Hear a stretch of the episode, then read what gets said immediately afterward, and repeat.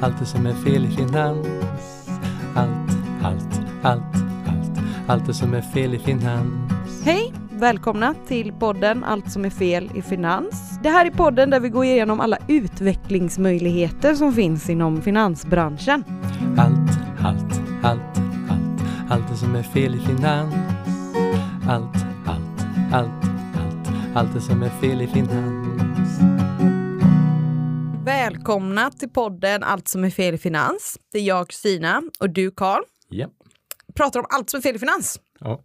Precis som eh, det står på burken, vad det innehåller. Ja. jag är gammal teknisk fysiker och du är docent i matematisk statistik. Och vi kommer från Sigmastocks. Kort Karl, vad är Sigmastocks? Sigma Stocks hjälper att spara direkt i aktier helt automatiskt. Mm. Idag ska vi prata om Putins olja och varför Europa köper den oljan samt vad som händer om vi slutar. Det är lite återkopplande till vårt eh, avsnitt om sanktioner tidigare och det är mer en, mer, mer en fokus på inkomstkällan för Ryssland som inte än är fryst, vad vi vet. va? Ehm, men det är högst aktuellt. Berätta lite om Putin och hans olja. Ja. Ja, Putin finansierar som bekant i hög utsträckning sitt krig i Ukraina genom att sälja olja och gas till Europa.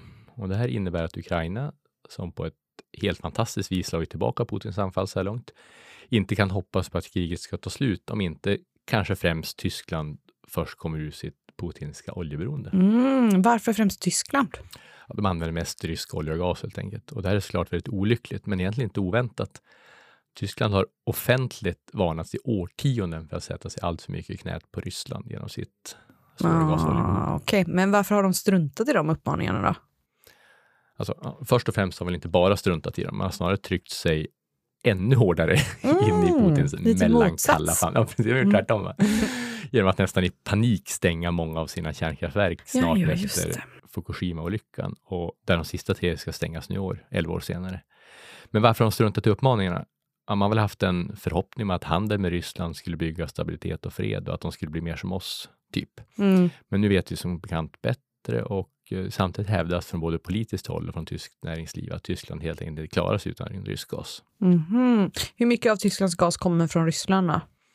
Ungefär 55 procent när kriget bröt ut. Mhm. Och det råder inget tvivel om att det kommer att bli jobbigt för Tyskland. Men många ekonomiska analyser, till exempel en från Econ Tribute som är ett gemensamt initiativ mellan universiteten i Bonn och Cologne, Mhm. som pekar på att avvägningen ska vara långt från något katastrofscenario, snarare högst genomförbart. Alltså deras värsta scenario låg på ett drygt 2 fall i BNP. Jaha, ja, det kan man jämföra med att Sveriges BNP föll ungefär 3% under 2020, coronaåret. Mm. Alltså det är jobbigt, men görbart. Det är absolut görbart det. Econ Tribute är för övrigt ett tyskt så kallat Center of Excellence, vilket lite kort innebär att det är riktigt duktigt folk som jobbar där. Mm. Samtidigt så Du ifrågasätter... gillar ju sådana duktigt folk. Jag gillar Det det. Det, är kul att folk kan saker. va? Ja, man kan lyssna. va? Ja. Samtidigt så ifrågasätter tysk industri i Contributes och andra slutsatser att det är görbart att sluta med rysk olja. Och industrin hävdar då, utan särskilt solida argument alls, att det blir ekonomisk härdsmälta utan den ryska gasen. Ja, de är ju rädda för härdsmälta i Tyskland. Ja, alltså. de gillar inte det. Ja. Mm. Anyway, så tyska kanslern Olaf Scholz har ju valt sida. Han håller med sin industri och är emot att stänga av rysk gas. Han håller samtidigt med om att de ryska krigsbrotten är fruktansvärda, men vill ändå inte ta det här steget. Och det här retar väl en annan. Jaha, varför då? För att Tyskland som idag alltså inte vill göra ens en högst hanterbar uppoffring för att stå upp för Ukraina och fred. De var synnerligen hårda mot länderna i södra Europa efter finanskrisen. Man hävdar med inte så lite moraliserande att de här länderna hade sig själva att skylla, att de varit oansvariga i sitt låntagande. Mm, jag känner igen när du tänker på Grekland. Ja, Grekland, ja. Mm. Bland annat, men kanske främst. Ja. Ja.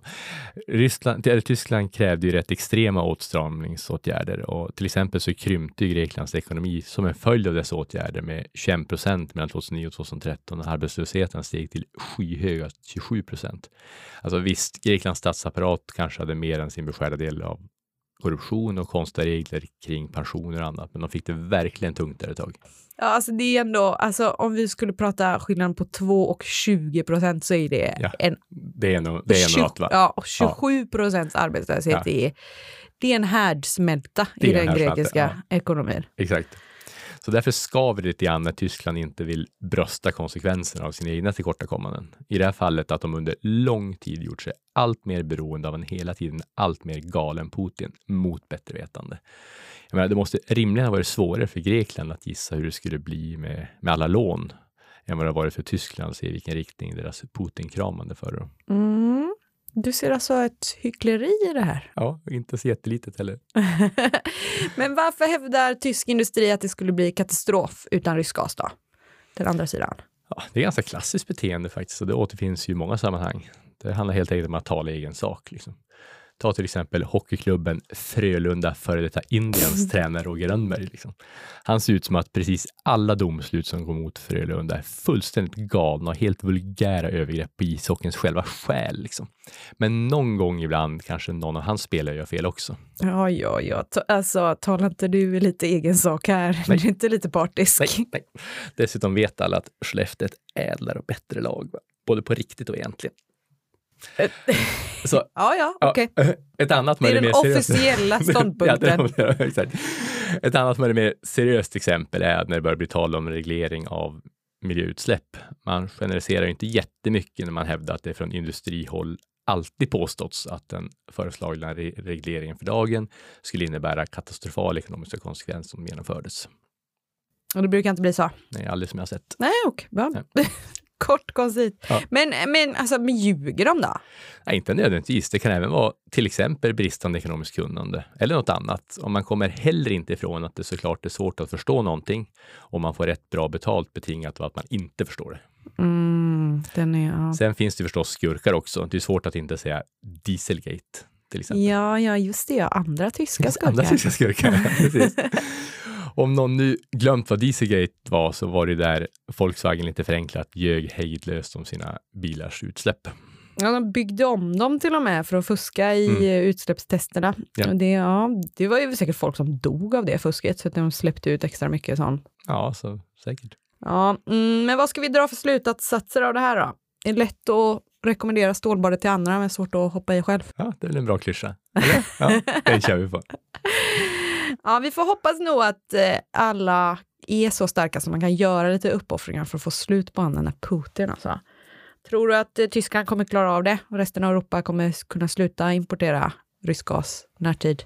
Det tror jag faktiskt. De kommer hitta en lösning. De jobbar garanterat stenhårt på saken. Ja, men det är ju positivt. Eh, om du behöver hjälp med ditt sparande så kan du vända dig till oss på Sigmastock så kan vi hjälpa dig att ta hand om det. Och hos oss kan man ju faktiskt välja bort att investera i gas och oljebolag från början så slipper man hamna i samma situation som Tyskland hamnat i. Ja. Det är ju bra. Vill du veta hur vi gör detta och mer om oss så kan du läsa mer på sigmastocks.com. Tack så mycket Carl! Tack du! Allt, allt, allt, allt, allt det som är fel i finans allt, allt, allt, allt, allt det som är fel i finans. Följ Sigmastocks på Instagram, Sigmastocks och lämna förslag på vad jag och Karl kan prata om i kommande avsnitt. Allt, allt, allt, allt, allt det som är fel i finans. Allt, allt, allt, allt, allt det som är fel i finans. En poddproduktion av Fredag.